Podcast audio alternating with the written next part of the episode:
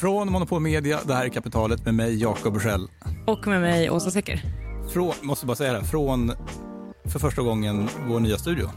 Monopol Media Studios. Vad är det vi kallar det? Vad har studion för namn? Tips mottages eh, Ah. tacksamt. Skicka till jakob.kapitalet.se. Ja. Eh, Vi ska börja veckans program med ett litet glassquiz. Ja, Eh, Är du med Åsa? eh, alltid redo. Mm. Vem uppfann glassen och när ungefär? Eh, inte den blekaste. Jag gissar på en vit man för hundra år sedan. Kanske var han amerikan. Men kineser, är de, är de vita? No, nej. Nästan allt sånt här kommer ju från Kina och, Okej. och, och är typ alltid 10 000 år gammalt. Ja. Det sägs att, att kineserna åt något som liknade glass 600 efter Kristus. Eh, och eh, även romarna, då, de är ännu tidigare, eh, lär då ha skickat slavar till Alperna för att hämta snö som man sen smaksatte och serverade på fina middagar. och sånt. Pratar vi isglass då, alltså inte gräddglass? Glassliknande Ja. desserter. Ja, intressant. Vad är glass eh, i kemisk bemärkelse? Ehm, ja, eh, Har du läst natur? nej, alltså jag gick ju samhällsvetenskaplig linje på gymnasiet. Jag vet inte riktigt vad du menar med kemisk bemärkelse. Gräddglass tänker jag är så här fluffig mjölk med någon slags tillsats. Isglass är någon slags is med smaktillsatser. Inte. Exakt så som en ke- kemist hade uttryckt sig. Ja. Glass är då en emulsion eh, och det är en blandning av vätskor som i normala fall inte kan blandas.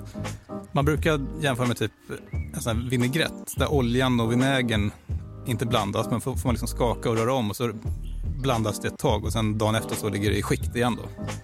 Shoutout till min kemilärare i högstadiet, Monica Daxberg. Hon har säkert lärt mig det här en gång i tiden och så har jag glömt det. Bra jobb Monica, grattis! Det ringer lite klockor nämligen, emulsion. Ja, nej, men man, man gör glass eh, typiskt sett av av grädde eller mjölk och ägg och socker.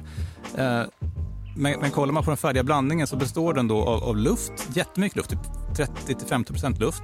Måste betyda att det är jättenyttigt med glass. Mm, Mm. Verkligen. Is, fett och socker. Och, och socker det, det gör då glassen söt, fettet gör glassen krämig och god.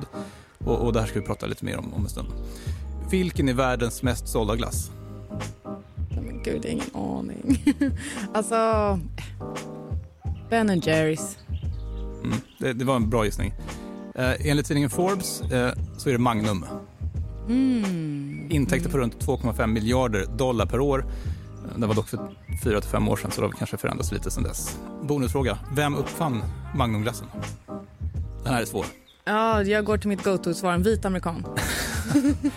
Här var en dansk, Okej. till synes vit dansk. Mogens Wig Larsen. Eh, han var teknisk direktör på glassfabriken Frisco. Eh, den här glassen lanserades i slutet av 80-talet. Jag har ett vagt minne av hur de här liksom, reklamkampanjerna började rulla ut. Ja. Eh, men idag så ägs då varumärket av, av Unilever. Jag får en helt annan relation till Magnum nu när det har danskt ursprung. För jag har ju varma känslor för Danmark. Ja, men det känns Ja. lite som en sån här typisk storföretagsprodukt. Men det, det har lanserats av danska entreprenörer. Typ. Eh, Okej, slutligen då. ehm, I vilket land i världen äter man mest glass per capita? Per person? Italien. Norge. Va? Mm, cirka 10 liter per person, följt av Australien och Sverige faktiskt på tredje plats. Okej. Sen, sen ska sägas, Kina är då det land i världen äter mest glass så här, i absoluta tal. Eh, men det beror ju på att de är så otroligt många eh, som bor där. De är alltid mest i absoluta tal i allting. Ja. För att de är flest. Ja, precis. Men det land som man kanske mest förknippar med glass, då, utöver möjligen Italien, är kanske USA. Ja, ja, ja, ja. Absolut. Jag Men när jag tänker amerikansk glass så tänker jag kanske dels då Ben Jerrys och så här cookie dough och så här, lite så här överdrivna liksom, glassgrejer. Men också mjukglass Mm, i sån cone. mm, Och så går man på en boardwalk. mm, Ja. mm. Det är amerikansk glass för mig. amerikanskt. Mm. Eh, Okej, vi, vi kanske ska komma till saken här. Men, men eh, jänkarna äter runt 2,7 miljarder liter glass eh, per år, runt 8 liter per huvud. En av världens största enskilda marknader. Och att lyckas på den här marknaden, att, liksom att sälja glass, det är otroligt svårt såklart. Det man ska komma ihåg är att nästan alla stora glassmärken, liksom Magnum, då, ägs av bolag som Unilever och Nestlé. Eh, så, även om man säkert kan etablera sig lokalt som ett litet oberoende glassföretag och sälja organisk glass eh, ja, men, i, i sin stad så, så måste man konkurrera med världens största livsmedelsföretag för att göra det här lite, lite större. Och eh, att skala upp det här det kräver att man kommer in i livsmedelskedjorna och i USA är det liksom en helt annan femma än att komma in i svenska butiker. Jag börjar ana att vi närmar oss en entreprenörshistoria, kan mm. det stämma? Ja, men vi har kommit till sommarens fjärde och näst sista entreprenörsintervju och den här gången träffar vi då den svenska musikentreprenören och golfbanedesignern Niklas Lutman. Han började en gång i tiden bygga inspelningsutrustning, vilket blev början på en stor eh, musikinstrumentsagentur som hette Lutmans. Eh, han var också med och startade Four Sound, den här musikkedjan som konkade här i, i, i våras. Men när han sålde sitt bolag för runt tio år sedan så ville han göra något helt nytt och, och börja kolla då på godis och läsk. Som man gör. Ja, men så här, kan man göra det här som är så gott lite mindre onyttigt? Han berättade att han läste 50 000 sidor eh, på tre månader eh, och började sedan experimentera själv i sitt kök med olika ja, med läsker och choklader och sånt där. Och nu har han flyttat till USA för att lansera en helt ny glass gjord på ett patenterat fett som kroppen inte kan ta upp. Otroligt. Jag vet inte hur jag ska känna för det här faktiskt. Glassen heter Nix och han har redan sålt över 4 miljoner liter till amerikanerna. Och nu får vi höra hela hans rätt eh, märkliga och intressanta berättelse från början.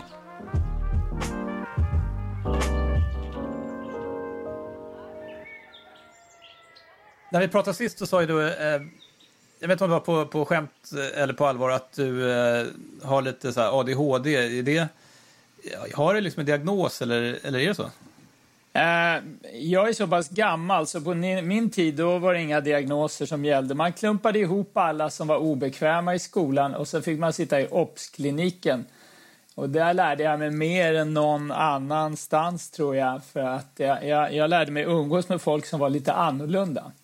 Men eh, jag, jag, jag, vet inte riktigt. Jag, har, eh, jag, tycker jag har alla symptom och det har nog de flesta entreprenörer.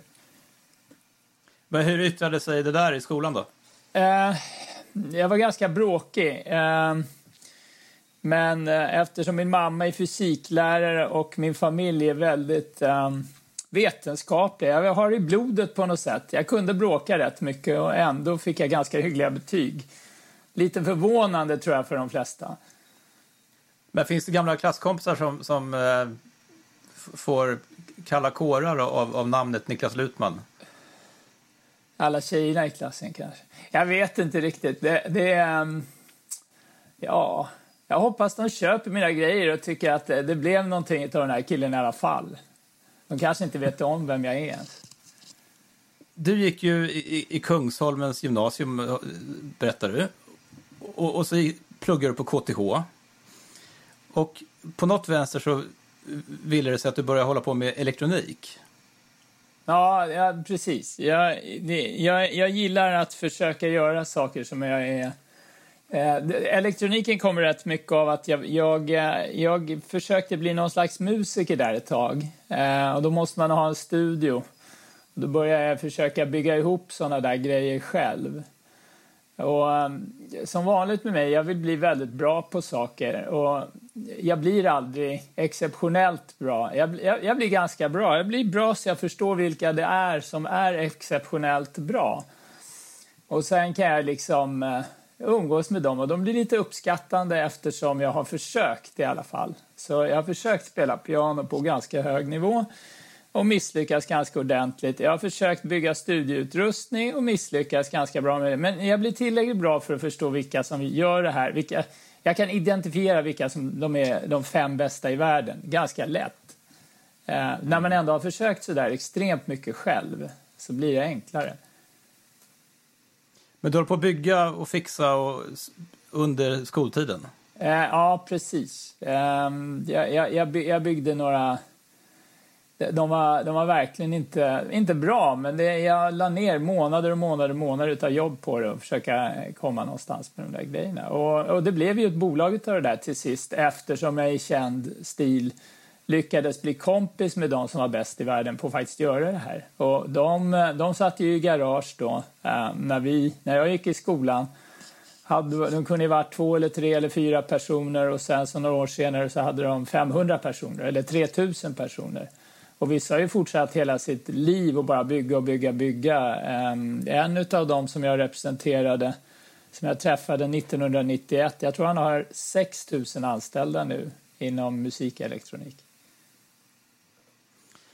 Men visst var det så att du, du sålde även eh, kretskort och sånt?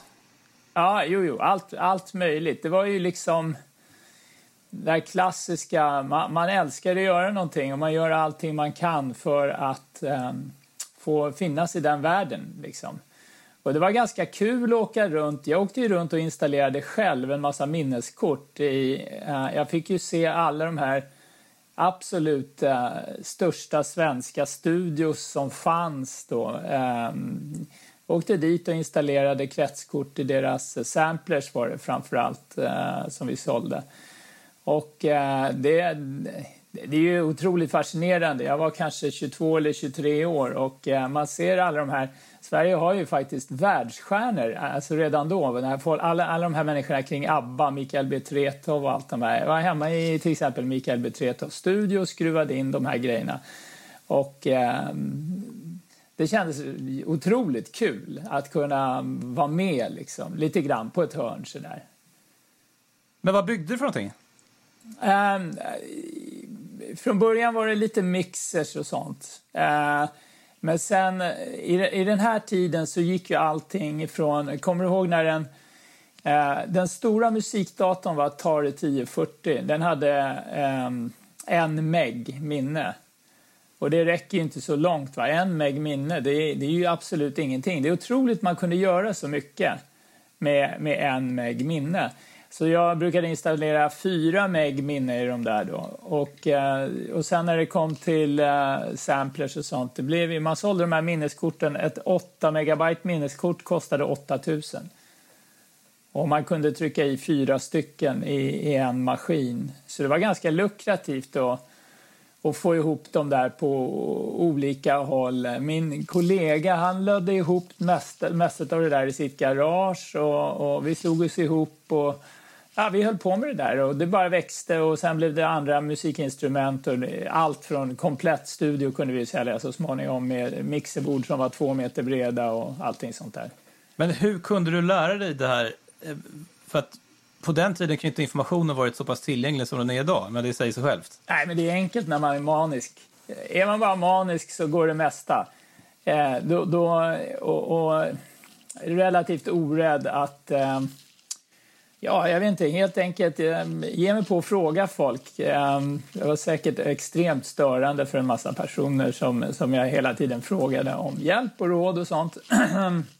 Jag har aldrig direkt haft någon mentor, men jag får såna här bitar här och där. Jag får en kvart, jag får 20 minuter och sen pusslar jag ihop allt det där. Och så här har jag väl hållit på eh, genom livet, att, att liksom hittat någon som verkligen har kunskap och sen antingen slår vi oss ihop eller också så, så, um, så, så, lånar jag lite kunskap och så går jag vidare och pusslar ihop allting på något slags sätt. Det finns en historia som du berättade för mig om hur du lånade pengar av din mamma. Min mamma? Ja, ja, ja. ja jo, jo, självklart. Jag, hon hade 73 500 kronor på kontot. Jag tror jag faktiskt lånade 73 000. Jag tror hon hade 500 eller 600 kronor kvar. Det var alltså hennes net worth. Jag, jag tog allt. Och så betalade jag tillbaks inom två veckor. Och min mamma tvekade inte en sekund. Jag ringde upp och sa, hur mycket har du? Och hon lånade mig alltihopa utom 600 för hon behövde köpa mat och sen fick hon tillbaks det två veckor senare. Det, det är faktiskt helt, en helt häpnadsväckande... Jag tror jag gjorde det två gånger också. Och jag tror inte ens mamma kommer ihåg det där för hon, det var så självklart för henne att eh, det, det, det är ett visst stöd. Nu börjar jag grina snart. Min mamma tror på mig. Det, det, ehm, nej, det blir jättepersonligt. Det, hon, skulle, hon skulle aldrig tveka. Hon har sån tro på mig. Men alltså, tänk om det hade varit något fel på... Eh, jag köpte minneskretsar för hela de där pengarna. Tänk om det hade varit något fel, något leveransproblem, någonting. Då hade, då hade det blivit tufft för oss. Men ibland måste man ju faktiskt ta risker. Jag ser mig aldrig själv som någon risktagare direkt. Jag tycker jag är feg. Men, men det är kanske inte så. Okej, okay, men det här blir då en, till slut en musikagentur va? Du, du eh, får kontakt med elektroniktillverkare och musikinstrumentstillverkare över hela världen och, och, hjälper dem sälja sina produkter i Skandinavien. Är det så det funkar? Ja, nej men det stämmer jag, jag, blev verkligen kompis med dem. Vi, vi är ju vänner för livet. Eh, eh, några bor här i Kalifornien väldigt nära mig. Vi kan gå och ta en middag ibland och skratta åt gamla historier. Nej, men det, det, jag har den här förmågan. Jag vet inte riktigt. Jag, jag tror faktiskt det här lite konstiga på obskliniken... Jag tror att det, det har nog suttit fler entreprenörer än jag där och lekt med modellera när de andra har räknat matte. Och man har på något sätt ändå lärt sig, jag ska inte säga mer kanske, men andra saker. Eh, den här psykologin, liksom, det här vill att tränga in i huvudet eh, på de som verkligen, verkligen är exceptionella i, i ehm, vad det gäller det här bolaget då, ehm, Nix, som jag håller på med nu. Det bygger ju extremt mycket på mig och eh, Erik Lennartsson som, liksom, han har det ju på riktigt och, och jag kan locka fram det. Jag kan, eh, jag kan ställa de dumma frågorna som gör att hans eh, smarta tankebanor liksom inte fastnar i att vara för smart. För att man måste vara lite dum också. I alla ledningsgrupper måste man ha någon som är lite korkad. För annars börjar alla tänka li likadant. Du måste ha någon som säger den här förlösande, riktigt korkade idén och så gör man tvärtom. Men man har aldrig kommit på idén från början om ingen hade varit så korkad så de hade sagt eh, fel. Eh, om du förstår. Det, det är liksom... Det var taskigt sagt. Skulle, man måste ha någon som är väldigt kreativ och inte totalt insatt. Så, så kanske man ska uttrycka sig. Eh. Men, men den här musikagenturen, var inte det med den egenskapen du beskriver nu, det kan jag tänka mig eh, har kommit väl till pass i Nix. Men i din, i din musikinstrumentsagentur, var inte det mer köp och sälj så att säga? Jo, men eh, kom igen. Vi, vi äh, äh, okej, okay, allting i den här branschen, i min gamla bransch, det gick ifrån eh, spela in på band med lite mikrofoner och grejer och försöka få det att låta hyggligt till att allt blev digitalt. Under de här åren eh, som jag var i den branschen, 1989, ja, jag var i branschen i nästan 20 år, eh, då gick ju, eller över 20 år, då gick ju allting från gammal, gammal teknik till Eh, extremt cutting edge eh, digital teknologi. Och då måste man ju förstå vilka det är som har det. För det är tusen personer som känner sig kallade. Så är det alltid, alla sådana här fält. 900 kommer aldrig komma någonstans och sen finns det tre som är, flyter i något helt eget skikt. Att allting som kommer ut ur deras hjärnor är extremt eh, cutting edge och användbart. Och liksom, det gäller ju att bli kompis med de där tre.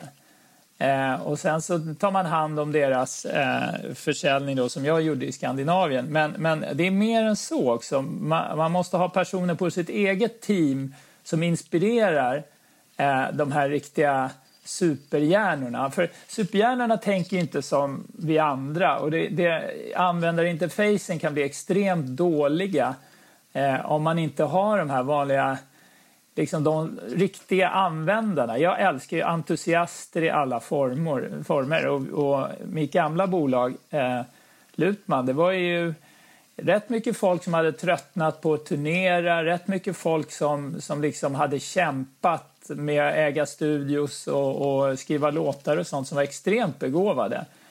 Eh, extremt begåvade musiker i hela gänget i princip och, och kunde använda sakerna. Och de måste förklara hur det går till. Hur, hur det liksom, vi hade vår roll i att... Eh, jag, jag, tror att då och då så var det någon knapp som blev till som aldrig hade kommit om det inte hade varit... Man måste ha det där, liksom total entusiasm och förståelse. Och, det finns inget som är så kul som när den nya modellen av något kommer och man bara kastar sig ut på lagret och plockar upp den och, och liksom installerar den och ser vad den kan göra. Och sen går den ofta sönder för att det är ett sånt pre-production X och så blir alla skitdeppade och går och dricker öl istället. Hade det lika gärna kunnat vara något annat som du blev så där intresserad av? Är, är det liksom själva processen som är intressant här eller, eller är det just elektronik och, och glass? Nej, nej, nej, men alltså allvarligt, jag har ju byggt en golfbana också från ax till limpa och, och tittat på en åker och sagt att här ska vi ha en 350 meter lång konstgjord sjö. Och sen sätter man igång och gör det. Så det är liksom saker som jag gillar. Alltså där, bygga golfbanor det är ju mitt dummaste ekonomiska projekt någonsin. Men det är också det roligaste att liksom, jag älskar ju maskiner. Maskiner gillar mig och jag gillar maskiner. Och, och, flytta på, jag kommer inte ihåg vad det blev till sist, eh, 35 000 ton eh, tror jag, massor. Men jag kan ha en 10 potensfel där. Men, men, men, det var extremt mycket lera som vi grävde och flyttade och byggde den här golfbanan. Och liksom, när det är någonting som man är så passionerat intresserad av. Eh, för mig, jag, jag, golfbanan var ju samma sak som när jag började med, med mat. Jag tror jag läste alla böcker jag kunde eh, få tag på. Det var kanske två hyllmeter, mm, två hyllmeter tror jag. Köpte böcker överallt ifrån om hur man bygger golfbanor. Eh, och sen gjorde vi det. Och det är, det är samma allt som jag ger mig på. Jag, är säkert, jag glömmer bort en massa saker som jag har gjort i mitt liv när jag har fått för mig att jag ska göra någonting. Då, då, det är liksom... Jag vet inte om det är ADHD eller om jag bara är manisk, men, men eh, jag blir så passionerat intresserad. Och sen framför allt den här kombinationen med att jag försöker träffa dem som verkligen kan. Och sen gör vi något tillsammans.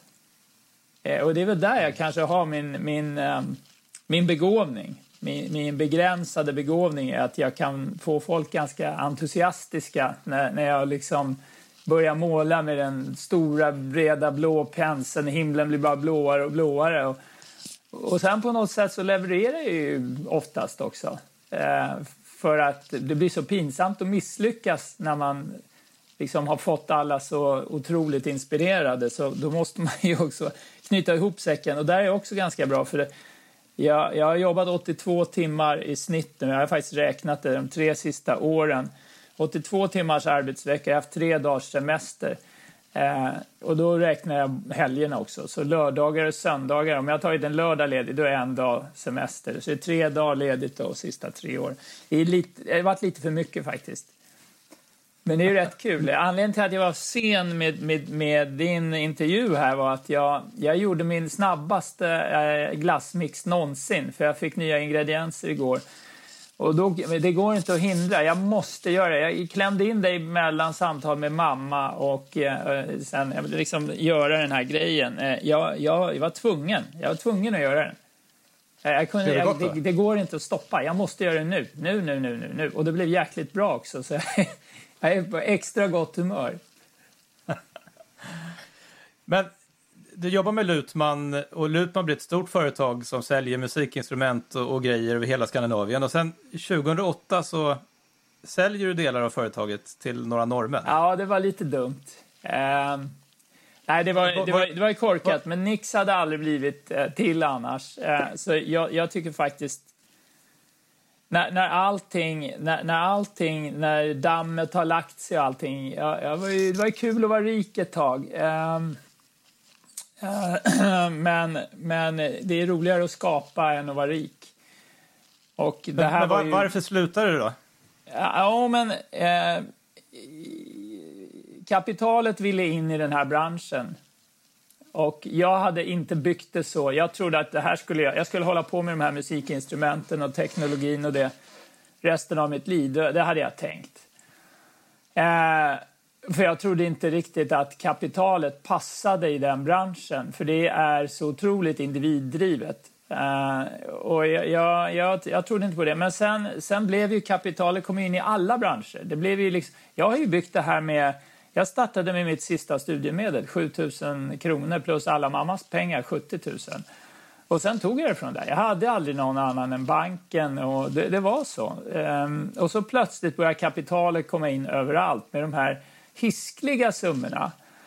Och jag fick ju klart för mig att i min lilla bransch då, då skulle, då, då, det var ju inget snack om saken. Det kom in då ehm, en fond som skulle investera 200 miljoner och eh, jag insåg att det här kommer att bli superrörigt. De kommer att investera lite här och där i konkurrenter till mig och det kommer att bli... Eh, jag, jag, jag bedömde det som att vi skulle nog stå som segrare i den där striden om det nu skulle vara så. Men det skulle vara fem år av helvete och liksom ingen vinst, ingenting. För det är lite så det fungerar nu. Ehm, de värsta fonderna som jag har hört talas om det är de här som ska gå in i hälsosamma branscher med så mycket pengar att de kan konkurrera ut eh, jag tror jag såg det i bussföretag och sånt, att, att man, man går in och avsiktligt eh, knäcker lönsamheten för att kunna köra sin egen affärsmodell. Det tycker jag är, det strider mot allt vad kapitalismen är för mig. Det där är, det är röveri liksom. Men i alla fall, när man, när, man, när man kommer in i en bransch med så där mycket pengar och alla andra i den här branschen, de har jobbat från början som från jag. Det är, som, det, det är liksom det blir lite knasigt och jag kände att det var bara att haka på annars så kommer det att bli jämmer och elände. Och, eh, så jag, jag tog in pengar och satte mig som minoritetsägare då i mina egna bolag och eh, det blev inte bra helt enkelt. Det, det, blev väldigt dåligt och sen blev det väldigt dåligt ehm, eh, ekonomiskt också eh, för mig. Jag, jag, fick med mig lite pengar från början men eh, de här jättestora värdena som man hade på pappret ett tag, det blev i princip ingenting av till sist. Och då spottar man i näven och gör något annat. Så är det bara. Är man en entreprenör så är man. Ingen kommer att anställa mig i alla fall, så att jag har inget val.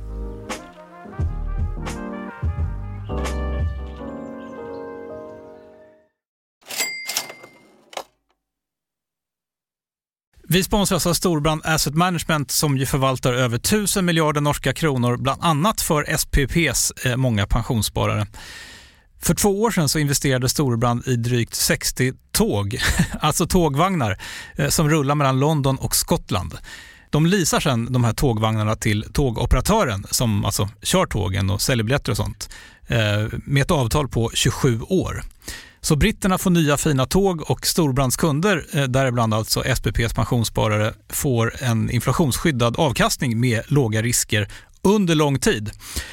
Det här är ett av supermånga exempel på hur pensionskapitalet i växande omfattning bidrar till att bygga samhället och inte minst till att klara klimatmålen.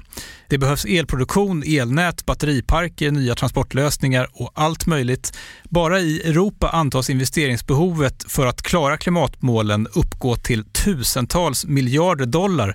Och det här är ju pengar som ganska ofta saknas i statsbudgetarna.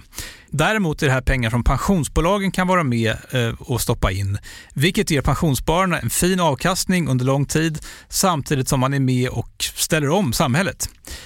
Vi har gjort ett helt avsnitt om det här eh, som man kan lyssna på. Det publiceras här i Kapitalet i mitten av maj. Ratta gärna in det om ni vill lära er mer om hur det här funkar. Men tack säger vi till Storbrand Asset Management som ju investerar i alla tänkbara tillgångslag, bland annat för pensionsbolaget SPP. Och tillsammans försöker ju vi, Storbrand och SPP, öka medvetenheten om hur pensionerna funkar och vilken roll pensionerna spelar i samhället och i ekonomin.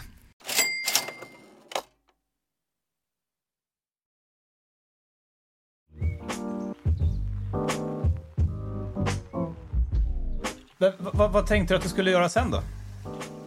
Nej, men alltså, jag, jag fick ju en klump pengar där. När, eh, jag, jag, fick ju en cashdel i alla fall.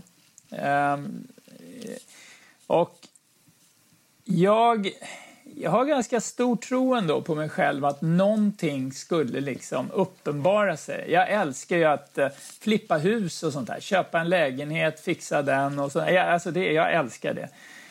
Uh, men sen, sen fick jag ju... Um, Eh, jag blev väldigt intresserad av ehm, i och med att vi har så dålig insulinkänslighet i min familj. Min mamma är typ 2-diabetiker. Min bror förnekar nog att han är det, men eh, han är på gränsen i alla fall.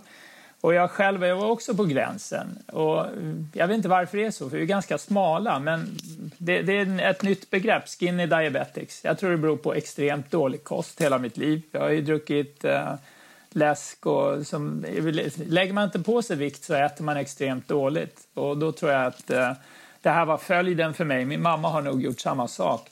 Så eh, då började jag förstå att det här är behandlingsbart. Och så började jag läsa. Och så läste jag igen då. Eh, över 50 000 sidor ganska snabbt. Och det var ju helt Alltså, det var lite det här paradigmskiftet jag hade väntat på. För att när allt gick från analog till digital teknik i min gamla bransch, det var ju liksom, man kunde göra vad som helst. Om man bara kunde den nya tekniken, då, då var man ju liksom eh, det var ju bara att dyka in var som helst. Och det här tyckte jag också att... Jag fattade att det fanns ungefär 500 000 eh, förpackade eh, livsmedel i USA.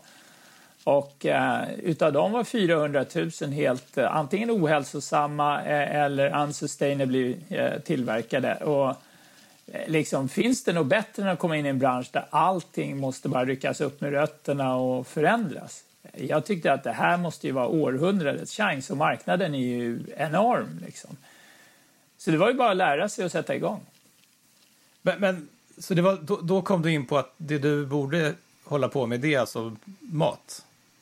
Eh, ja, jo, det låter ju extremt korkat, men jag hade ju samma usla kontaktnät och kunskaper om uh, mat egentligen. Uh, som jag hade, okej, okay, när jag började i, i, musikbranschen, jag hade inga kontakter, ingenting. Jag, jag, okay, jag hade spelat in och liksom försökt få saker att funka själv, så jag kunde ju produkterna, men jag kunde inte ingenting om branschen. Och i, i, inom eh, mat då, Um, jag överskattade nog eh, mig själv lite grann som kemist, tror jag. Och sen får jag inte säga det ens för att det heter food science. Uh, man, i, men jag är mediatränad, så food science låter ju mycket bättre. Men alltså, om man steker ett ägg, då är det ju bara kemi det handlar om. Och uh, det är samma sak med nästan all, all mat. Det, det är extremt komplex eh, organisk kemi. Och det är ju det jag är sämst på egentligen, för jag är rätt bra på de andra grejerna. Elektronik och mekanik och de här eh, grejerna och maskiner och sånt. Men, men jag försökte i alla fall mm, på något sätt eh, ta mig fram och göra eh, läsk och choklad och, och såna här grejer. Och, och, mäta allting på mig själv. Om jag äter någonting så ser jag om mitt blodsocker är stabilt. Då tyckte jag det var en bra produkt. Eh, och sen kunde jag ingenting om hur consumer goods funkar. Man är, kommer man från KTH då är man ju faktiskt lite dum i huvudet för att vi tror alltid att den bästa produkten vinner. Vi, vi kan inte förstå att en produkt inte säljer om den har mer av allt och är bättre och lägre pris. Sånt där. Men i, eh, i consumer goods, jag menar, du, du får inte ens ett möte med Coop om du kommer med liksom, Ja, men den har hälften av kalorierna och, och, och den är mycket nyttigare och allting. Nej, det är, det, nej, du får inte ett möte. Det är inte en chans. Liksom. Så att du, du, måste jobba på ett annat sätt och man måste lära sig. Och, och, tack och lov så hade jag ju för lite pengar själv, för jag hade ju totalt förslösat dem.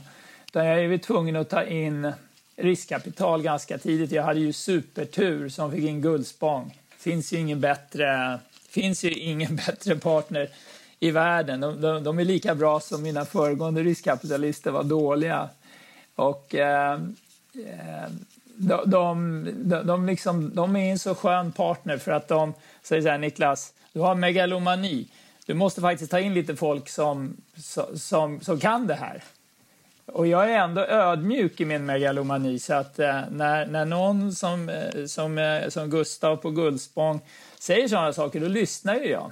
Och eh, då tog vi in folk och jag fattade ju hur, eh, hur komplext det här faktiskt var och att det handlar ju om psykologi och, och här, marknadsföringen är ju lika viktig som produkten och sen alla de här andra galna sakerna. Jag, jag tycker ju att eh, livsmedel är ju en ganska knäpp eh, bransch alltså. Inte jätteeffektiv. Jag trodde att det skulle vara världens effektivaste bransch men det, jag tycker det läcker ut en del pengar här och där. Nu kommer Ica och Coop att hata mig, men, eh, men jag gillar dem. Men, men de kan göra grejer bättre, tror jag, också. Men, men vänta lite, du, så du, du fattar intresse för, för kost och, och, och, mat. Du läser massor med böcker om det här. Och sen börjar du själv då experimentera med olika... Ja, ja, jo, vad, ja men det... Vad, vad, men vad gjorde du? Vad, vad experimenterade du med? Um, ja, men alltså, jag var ju stor läskdrickare. Så att jag började göra läsk till mig själv. Jag, drack ju flera liter läsk om dagen. Uh, så att det, men det är ganska enkelt. Läsk är enkelt. Man, man, tar bort... Jag höll på mycket med stevia då på den tiden och så lite andra grejer med smakämnen och sånt där. Det är inte särskilt svårt. Eh, men sen, eh, sen fick jag lite blodad tand där och började med choklader och sånt. Eh, jag ville, jag ville hitta de grejerna som var garanterat mest onyttiga. Choklader och glass och sådana grejer. Började experimentera och pyssla. Och jag, jag, kände ju faktiskt rätt tidigt att vi måste ha in någon här um, som, som liksom kan det här, kan det här food science-biten och sånt. Men jag hade extremt svårt att hitta i Sverige eh, rätt personer för att det, det, det, alla de här som man tog in på intervju, de hade aldrig gjort någon produkt. De hade ju suttit där på något stort livsmedelsföretag och sparat 20 öre på att byta ett fett mot ett billigare fett. Jag vill ha någon som har gjort hela produkten. Eh, och liksom det var det fanns inte så mycket. Ja, och sen eh, så hittade ja, men, vi vänta, ner... Ja. Alltså, bara, förlåt, men ditt eget experimenterande, vad, på, hur, hur gick det till? Var, var, du hemma i köket och gjorde saker då, eller? Ja, delvis. Men eh, man behöver lite kraftigare maskiner. Och vi kom ganska tidigt i kontakt med eh, några personer nere i, i Makedonien eh, som hantverksmässigt kunde göra choklad. Och det var ju rätt bra för att eh, om man åker till Schweiz till en eh, fullskalig chokladfabrik och så säger man att eh, jag vill köra ett par tester här och chansen är väl 50 procent att allting kläggar ihop och ni får, ni får städa den här produktionslinan i, i 14 timmar. Då kommer de att säga eh, att eh, ja, det, antingen kommer de att säga stick åt helvete eller också kommer de att säga att det vill vi ha eh, 150 000 euro för att göra det här experimentet du pratar om. Men i, i Makedonien så då gillar de att testa grejer och, och en, att städa en produktionslina det, det, det kostar inte så mycket där. De, de, de fixar det och de har en stor entusiasm och eh, vill det, det, är den där grejen igen som alltid återkommer till mig.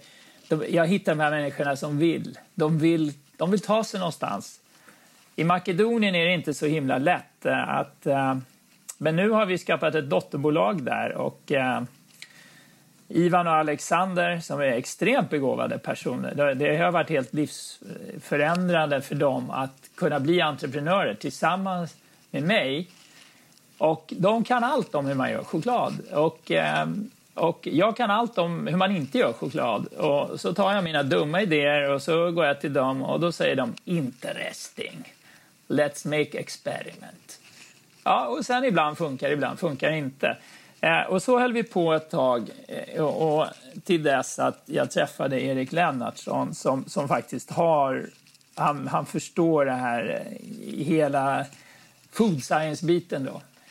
Eh, och då, då blev allting lättare för att det, det, är så otroligt mycket bolag inom food som jobbar med någon slags trial and error och absolut inte förringa den här eh, den här kunskapen som sitter i fingrarna på alla de här kockarna och produktutvecklarna och allting som har gjort det här hela sitt liv. Alltså en, den typen av kunskap är fantastisk.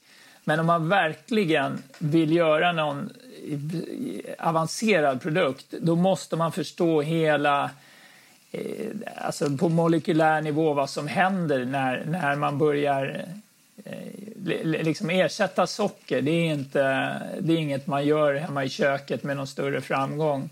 Utan då, eh, så fort man tar bort en sån komponent och så måste man stoppa in flera andra, då börjar, det, då, då börjar man ändrar någonting här, då ändras någonting annat där. Det är fryspunkter och smältpunkter och, och, och, saker som liksom helt... Om man inte vet vad man gör, då får man göra hundratusen försök. Om man vet vad man gör, då kanske man klarar sig med hundra. Det är fortfarande en mm. enorm massa försök. Så du experimenterar med choklad och det blir din första produkt då? Nej, det, det var ju bars egentligen som blev den första. Eh, och, och, barsen blev ju bra. Ehm, eh, på mitt sätt att se det. Det blev eh, bland de nyttigaste energibars som någonsin hade funnits. Och vi hade tre Formel 1-förare som fick de här skickade till sig för att deras eh, personliga tränare eh, hade sagt åt dem att äta de här eftersom de var så jäkla bra. Men de var extremt äckliga också. Eh, de smakade faktiskt förfärligt. Eh, och det är svårt att sälja en, eh, en livsmedelsprodukt som inte smakar bra. Jag som KTH säger att men den är ju faktiskt bäst för dig. Eh, det spelar inte så stor roll. Alltså, det, det lärde jag mig snabbt. Du, du måste ha minst lika bra smak som skräpet. Och eh, alla typer av fast food och snacks, det är ju helt underbart. Och det är nästan så att ju billigare de är, desto godare tycker vi att de är. Det är ju mera socker och billiga fetter, desto godare blir det. Och då gäller det att liksom göra någonting som inte kan, hamnar helt av banan prismässigt. Eh, och så måste det smaka lika härligt som riktigt härlig sån här eh, godis och glass och, och sånt jox. Så vad, vad, hände med dina bars då? Nej, det, de gick igenom eh, ganska många förändringar för att bli bättre. Men eh, när, när, när Gullspång kom in och, och eh, med Kristoffer Slim som, eh, som kom från Unilever, då fick vi väsentligt högre krav på, eh, på smak. Och eh, eh väldigt mycket bättre design också på förpackningarna. Jag hade såna här KTH-killeförpackningar där allting stod på förpackningen. Det stod exakt hur många gram av saker var och, och liksom... Nej, det var, det var ingen bra förpackning. Det, nu är det annorlunda. Vad hände sen då? Ja, vad händer sen? Ja, men äh, vi, man hasar sig fram som entreprenör. Tar en möjlighet där och en möjlighet, äh, en möjlighet här, en möjlighet där. Och, och, men framförallt så träffar man ju personer. Äh, och, och, jag är ganska bra på det där. Hitta de här personerna som gör att det rullar på. Och teamet nu är ju eh, tycker jag, ganska världsklass faktiskt. Vi, vi, vi förbättrar teamet hela tiden. Men nu har vi ju sådana såna här Procter Gamble och Unilever-människor eh, vid spakarna på mycket av det som de är, är bäst på. Men, men eh, eh det som jag är bäst på det är att få de här människorna att förstå att eh, utan ett par galna innovatörer någonstans i maskineriet så kommer inga nya produkter. Och vi har en så, tycker jag, härlig respekt mellan oss. Eh, mellan de organiserade, strukturerade. Alltså jag är inte helt ostrukturerad själv, men jag önskar ibland att jag var mer ostrukturerad så jag fick ännu mer såna här spontana idéer som den jag fick i morse. Eh, men, men det, liksom, det gäller att bygga någon slags struktur så att, så att de kreativa känner sig fullständigt kreativa och, och får vara det. Men ändå måste man ju ha en plan. att Vi, vi kan ju inte hitta på en laktosfri ansjovis bara för vi tyckte det var mysigt eller artificiell eh, vattenmelon med pizzasmak. Det är ju saker vi har diskuterat, men det är ingen smart grej att göra. Vi, vi, eh, vi måste ju ha hjälp då från, eh, från de här strategerna som, eh, som, som hjälper oss på traven att eh, jag, jag är rätt bra på att titta på marknadsdata och såna här grejer själv, men um, Procter Gamble, Unilever och alla de här, de, de vet ju liksom, de har ju fingerspetsarna hur man ska paketera något och hur man ska tänka. Och hur det fungerar i distribution. Alltså det är ju sådana extrema utmaningar med hur alla de här stegen ska fungera utan att pengarna rinner mellan fingrarna och produkten blir för dyr. Mm. Så det, men, det, men det är kul att um, när man skapar den här medvindskänslan i bolaget uh, då, då, kan, då kan man göra grejer och då känns det inte särskilt jobbigt att jobba 82 timmar i veckan.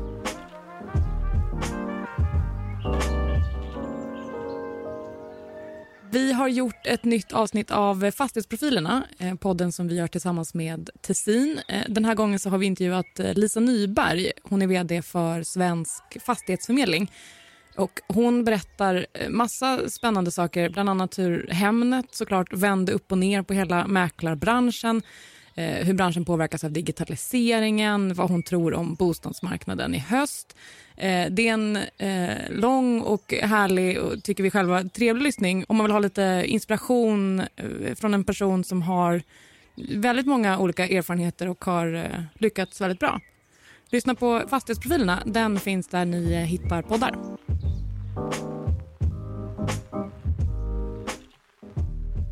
Men, men, hur kom du in på det här med glass? Ja, men glass är den ultimata utmaningen. Glass, alltså food science-mässigt, eller egentligen kemi, för det är vad det är. Alltså det är, det är en sån fascinerande struktur, glass. Eh, det, eh, alltså det är en sån extremt avancerad... Eh, menar, det är ett nätverk av proteiner som håller fettglobuler, det, det, är, det är luftbubblor, det är, det är fryst vatten och, och det är flytande vätska. Och alla de här grejerna, alltihopa påverkar varann. Och vad man än är inne och petar i det där, egentligen så är det en extremt lycklig omständighet att vanlig glass är så bra som den är. Att, att liksom socker och, och, och dairy fats och allt vad det är, att, att, att det liksom fungerar. Det är, egentligen mjölkchoklad samma sak. Alltså det, det är extremt lyckliga omständigheter som gör... Alltså socker är ju en extremt eh, intressant molekyl som är lätt att bygga såna här grejer på. Så tar man bort det där sockret, då är det plötsligt supersvårt. Men det är också en möjlighet att eh, göra någonting eh, bättre. För att plötsligt kan man börja designa exakt hur den här glassen smälter i munnen och sådana saker som man inte kan göra om man bara gör vanlig glass. Eller man är mer begränsad. Och, och det, det, det, är en helt ny spelplan. Men, men, när du började titta på, på glass då, vad, vad ville du göra? Var det sockret eller fettet eller vad, vad ville du åstadkomma? Nej, för mig då var det... För, för, för mig personligen så är ju... Um, jag mår extremt bra med en låg eh, kolhydratkost. För mig funkar det i, i, i, fantastiskt bra. Det som kallas för keto nu i USA. Eh, jag tror inte att det fungerar för alla. Jag tror att nu är jag ganska ovetenskaplig, men jag tror att för hälften av alla personer som är på en lågkolhydratskost så funkar det ganska bra. Men om man har den här obesity gene då, som, som gör att man gärna lägger på sig vikt, då är min erfarenhet att man eh, eh äter man så här mycket fett, eh, då, då, då går man inte ner särskilt mycket i vikt ändå, utan då måste man titta på kalorierna också. Så det är det vi gör nu med våra nya produkter så tittar vi på att eh, framförallt ta bort socker, för det tror jag är det absolut skadligaste. Och sen också eh, eh, sänka kaloriinnehållet. För folk gillar ju att äta mycket glass och ja, då ger vi dem en möjlighet att göra det. Men när du började experimentera med glass, vad, vad, vad gjorde du då? Med glassen? Ja, jo, jag köpte någon så här halvhygglig glassmaskin och sen slängde jag i allt möjligt i den och testade och provade. Det var trial and error på hög nivå och, och där... Um, det, det, ja, det, det, var vad som hände och sen, jag kom ingenstans. Det blev som Halo Top hela tiden. Den här glassen i USA som sålt som 17 i några år, men det är, den är som en hockeypuck i förpackningen. Och uh, jag förstod att det där gick att göra bättre, men jag hade ingen aning om hur det skulle gå till. Och det var då jag träffade Erik på en eh, demonstration i, eh, i en butik där jag var. Han var sån där skönt KTH-ig och sa att det är kul att du försöker. Det är, du är väldigt ärlig i din produktutveckling. Men, så här, men vad menar du? Ja, men du kan inte så mycket om det här va? Eh, ja, ungefär så var samtalet. Och sen så läckte han IP på så här känt eh, KTH-sätt. Han, han berättade hur man gjorde glass på ungefär en och en halv minut. Och jag fattade direkt, eftersom jag har försökt så länge, så fattade jag direkt vad han snackade om. Och, och ehm, så gick jag faktiskt hem i köket var det och eh, gjorde det och så såg jag att det här funkar ju. Eh, och sen slog vi våra påsar ihop så småningom. Det finns ju då en historia som handlar om någonting som kallas för Olestra. Ja, ja. Ja, ja så den grejen. Uh, ja, men det här är typiskt. Det var en, en längre bit in i våran... Eh, Erik läser ju en sju, åtta vetenskapliga studier per dag. Och han är, han är, han är manisk på riktigt. Eh, han hade hittat grejer från 90-talet, en massa forskning och patent och sånt och, och tänkte att ja, det, det finns någonting i det här, men de är ju Eh, Procter Gamble hade, de plöjde ner tror jag en miljard eller något sånt där i det där projektet. Och det handlade om fetter vad ville de kroppen, göra? kroppen inte kan eh, metabolisera så att säga. Eller ja, på den tiden var det en annan typ av molekyl. Men eh, det, det, var hela tanken att ersätta fetter. Men, men Erik förstod ganska snabbt att eh, för att kunna göra det på ett bra sätt så måste eh, fettet måste komma ut ur kroppen eh, på ett, på ett bra sätt. Och han började fundera på om vi skulle ge oss på det där. Eh, och sen utav en händelse är vi på en mässa eh, och där är en sån här monter utan en enda människa i. Och eh, Erik blir extremt... Jag, jag, har som strategi på alla mässor, jag går in i alla montrar. Alla montrar för att se vad det är. För att de bästa, eh, bästa innovatörerna är de sämsta marknadsförarna. Jag blir mer intresserad om det ser dåligt ut.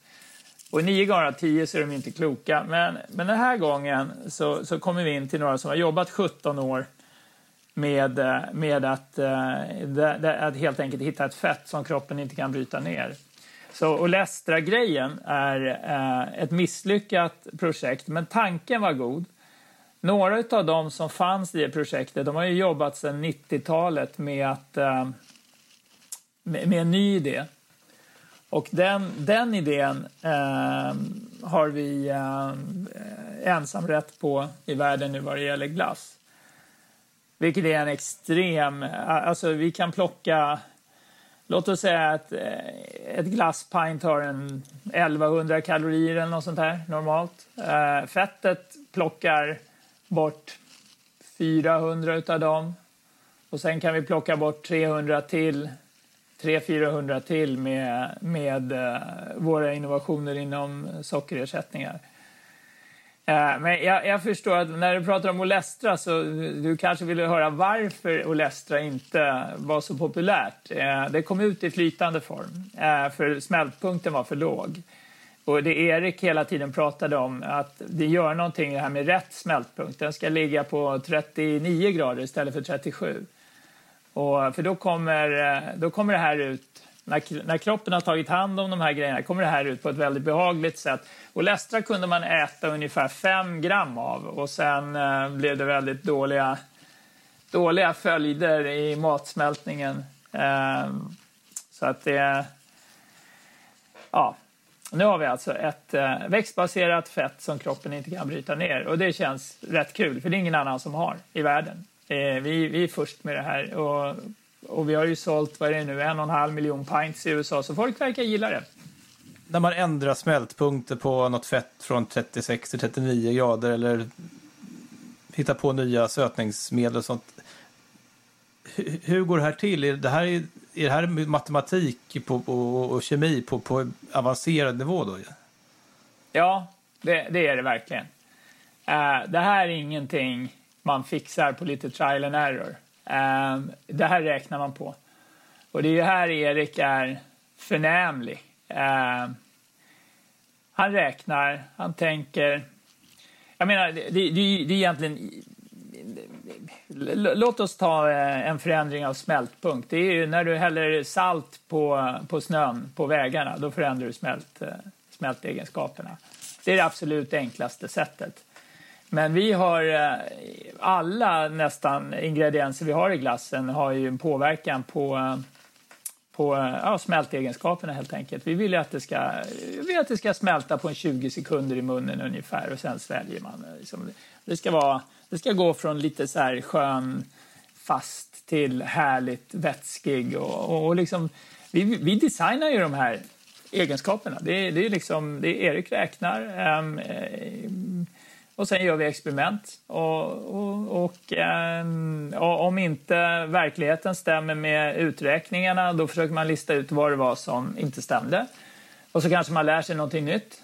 Eller så gör man bara om eh, tills det fungerar. Vi, jag tror vi är inne nu på eh, någonstans runt 1350 glassexperiment eh, sen vi började.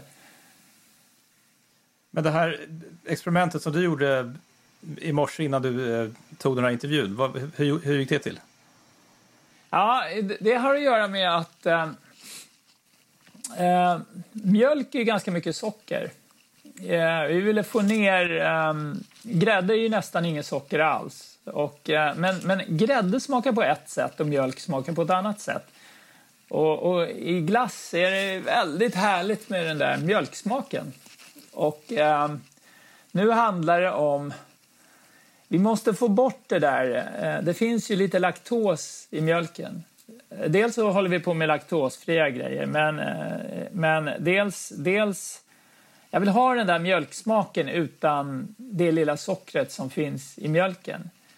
Eh, och, och, det gick väldigt, väldigt bra i morse. Det, det, det finns olika sätt att göra det där på. Ehm, eh, det allra bästa är såklart att hitta ett sätt som är helt eh, veganskt.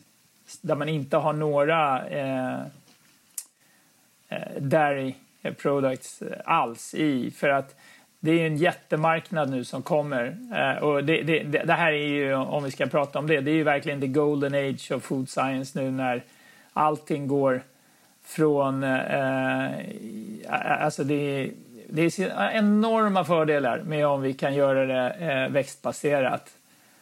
Alltså eh, en tiondel av eh, vatten, en tiondel av areal, en tiondel av energi, en tiondel av eh, koldioxidutsläpp. Det är vad som ligger i potten om vi lyckas med att styra om från, från djurbaserat till eh, växtbaserat eh, livsmedelsförsörjning. Jag vill till och med påstå att all världen, alla världens problem vad det gäller eh, livsmedelsförsörjning i princip lösta redan nu. Eh, nu är det bara frågan om att, att, att få det helt enkelt att ja, krasst smaka så bra så att folk är villiga. Jag har gått över fullständigt nu till uh, Beyond Meats uh, hamburgare. Uh, jag skulle aldrig köpa en hamburgare längre. Jag tycker att de här veganska, de är bättre. Det finns massor med anledningar till varför de är bättre. Att var, det, det, det, blir inte en del av de här cancerogena biprodukterna när man steker och sånt där. Det, det är en massa, en massa grejer som är bättre. Och, och liksom här, återigen, när, när, hela världen börjar titta på att styra över det mot växtbaserat, då vill vi, vi vara där. Och, men jag vill att glassen ska smaka som glass, även om det inte är en kossa som har varit inblandad i produktionen. Nu, nu använder vi jättemycket grädde och mjölk och såna här saker, men vi utvecklar ju ständigt. Vi, när smaken blir tillräckligt bra, då får vi lansera eh, andra produkter helt enkelt. Men där, där är min utveckling just nu, eller vår utveckling, ligger extremt mycket på växtbaserade alternativ och sådana saker. Mm. Jag vet att eh, något som, som eh, en av dina investerare uppskattar med dig, det är ju eh, att du är galen nog att ge dig på den amerikanska glassmarknaden. Var, var det liksom var det självklart för dig att satsa på glass i, i USA? För det måste onekligen vara väldigt tufft. Ja, det, det, det, det, kostar nog mer pengar än vad någon av oss trodde från början. Vi, vi, vi kunde inte förstå hur, eh, hur... Jag skulle faktiskt säga så här. Hur riskkapital har förstört eh, möjligheten att sätta riktigt innovativa livsmedel på kartan samtidigt som riskkapital också har möjliggjort att det går att sätta riktigt innovativa livsmedel på kartan. Eh, det är nämligen så, hur ska jag säga, att vi, att vi valde USA var att här fanns det här fettet. Här fanns möjligheten att göra en, eh, en produkt som, som, som var liksom helt, helt utan konkurrens skulle jag vilja säga. Och det är också vad kunderna säger när de har gått från eh, konkurrenterna till vår produkt. Jag, jag läste några hundra eh, testimonials idag där, där de, kunderna till I used to buy this and that and now I discovered Nix. Oh my god, I can't believe it.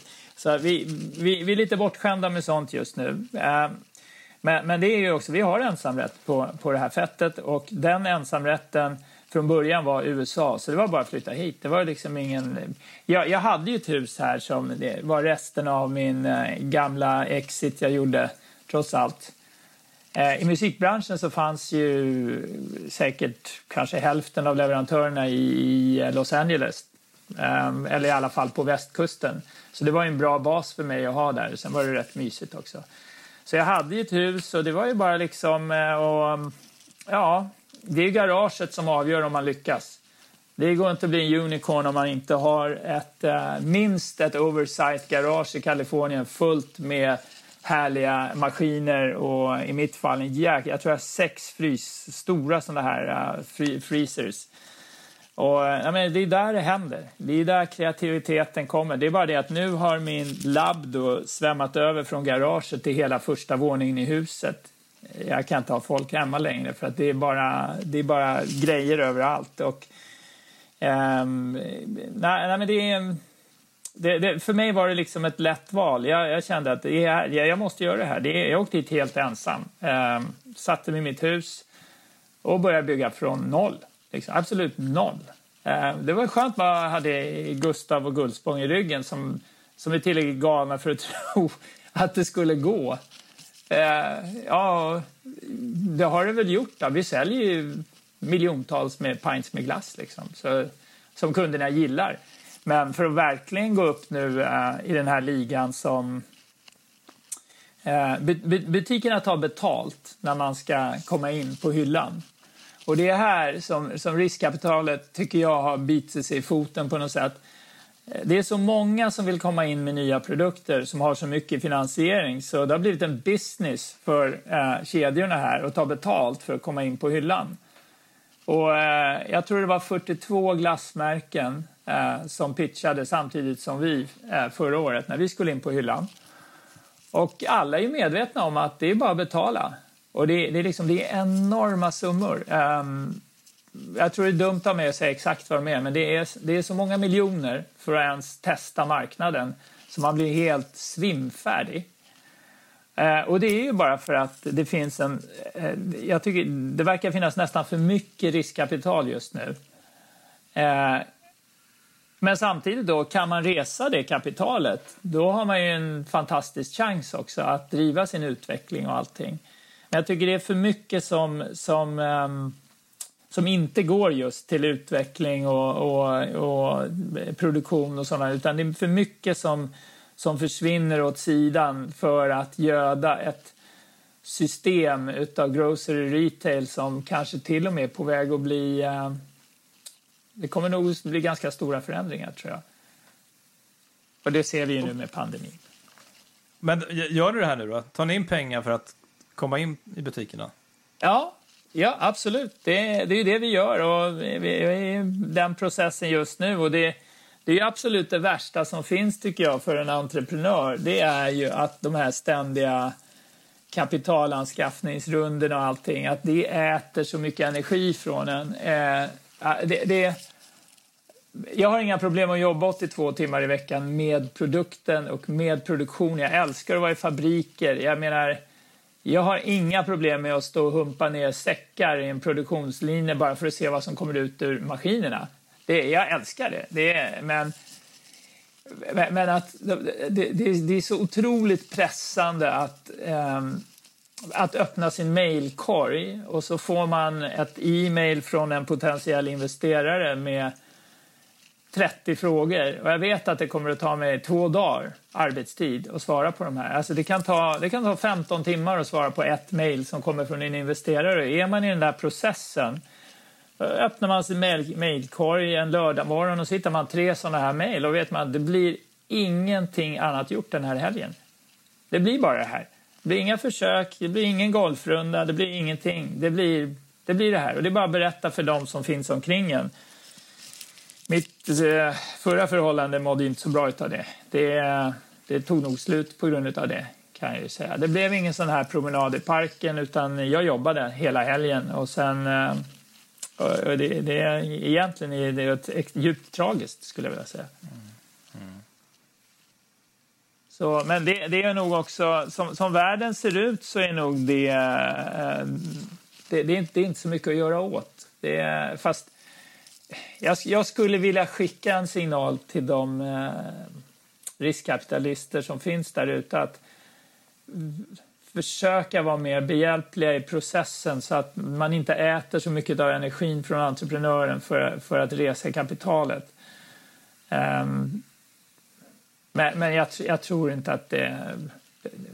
det är en utopisk tanke att tro att särskilt om man som jag har sitt namn på produkten att då är det ju mig de vill prata med. Det var antagligen stendumt. Vi skulle kalla den Bow Wow istället eller något. Då hade jag sluppit vara med i den här. Jag hade bara varit produktutvecklare. Ingen hade varit intresserad överhuvudtaget att prata med mig. Då ville de prata med CEO istället.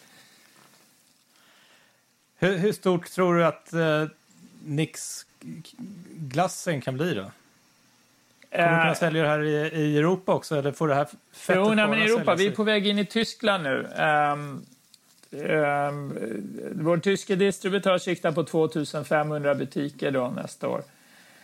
Ehm, så det blir en del. Och i USA är vi 3100 butiker nu. Det är extremt linjärt nu. Ehm, vi vet vad vi säljer per butik, per hylla, per smak, per allting. Um, om vi går till 15 000 butiker då är det i princip bara att skala upp. Um, vi, vi, kan, vi kan omsätta eh, Eh, faktiskt ganska realistiskt ett par miljarder på glassen i USA ganska så fort. Men det handlar mest om en extremt stor, framtung investering. Sen när man är inne, då är man inne och då rullar det på. Och då handlar det mest om, då har man nått de här volymerna som gör att man ska in i produktionen och liksom tweaka och trixa och spara 5 cent här, 5 cent där. Eh, så får man en väldig eh, liksom skalfördel av volymen. Men för att, för att ta sig till den här miljarden eller två miljarder, eller det går faktiskt utan att ha megalomani så finns det mer och det är ju bara glassen.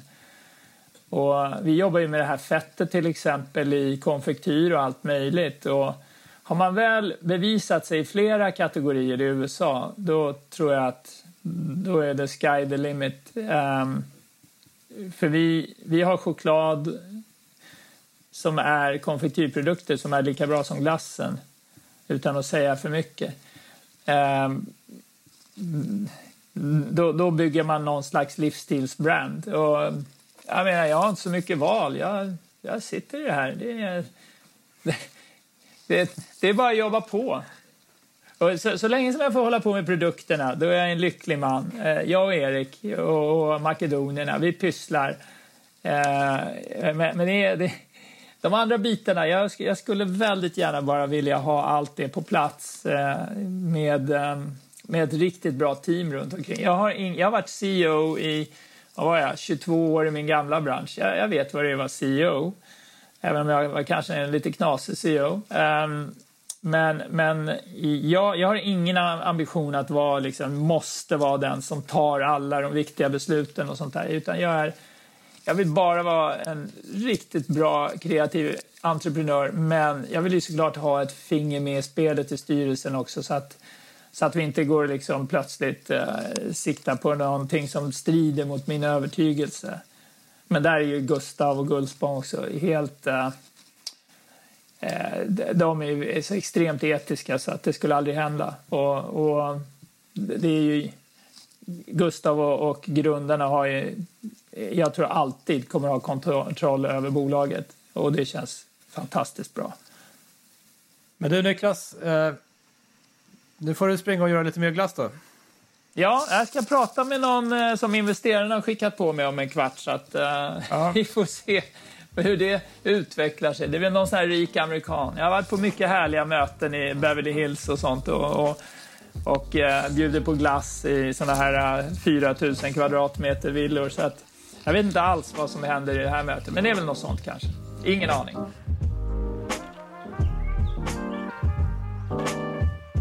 Niklas Lutman alltså, grundare av varumärket Nix. Eh, han säger själv att han är lite manisk och eh, jag har träffat rätt många företag genom åren och Niklas Lutman är nog ändå en av de mer entusiastiska jag har träffat.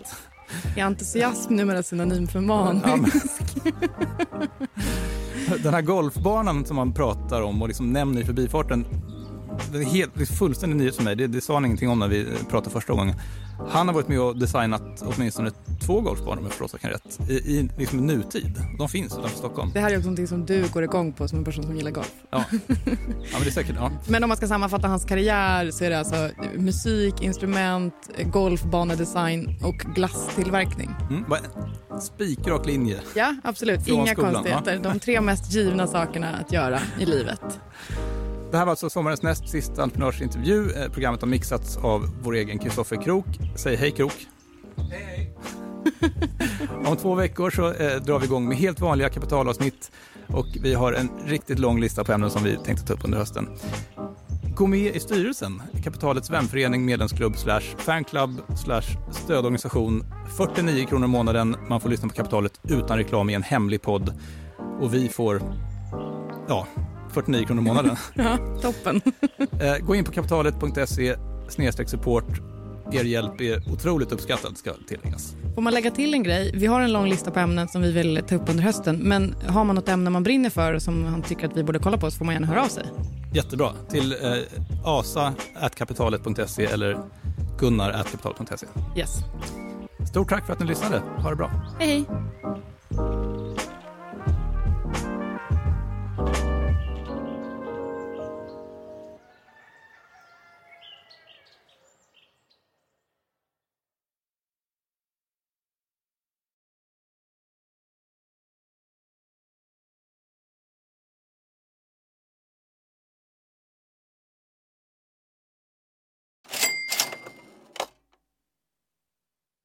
Kapitalet sponsras av Master Exchange, plattformen där du som privatperson kan investera i låtar och får pengar varje gång de här låtarna spelas. Eh, vi berättade ju senast eh, om barnlåten Puff the Magic Dragon som noterades av Master Exchange under våren. Nu har utdelningen på den låten kommit, eller royaltyn som vi säger i musikbranschen. Eh, den ligger på drygt 12% i årstakt och det här är ju en avkastning som är helt okorrelerad till eh, börsen. Till och med Goldman Sachs har börjat skriva om just musik som investering eh, just ur det här perspektivet. Nu finns en möjlighet att investera i en ny låt. Eh, låten heter Boss Bitch och den är av Doja Cat som, alltså jag ska inte säga att jag är superdeep här men det är ändå en, en person som jag vet om det är. En, en världskändis. Den här låten gav baserad på förra årets spelningar en avkastning på drygt 13%. Master Exchange har just nu en väntelista på registreringar. Det, det går lite för bra för dem kan man säga. Men skriver ni in kapitalet som promo code så kan ni runda kön och ansöka om andelar i låten Boss Bitch ändå. Om ni investerar helt vanliga pengar, det är inget krypto eller sånt där. Så vill du investera i musik och få en avkastning som är helt okorrelerad med börsen och kanske inte minst för att det är kul att äga låtar eh, så kan man gå in på masterexchange.com och använda kapitalet som promo code så går man alltså förbi kön. Kom ihåg dock att alla investeringar är förenade med risk men vi säger stort, stort tack till Master Exchange. Kapitalet sponsras av Karla, Jakob.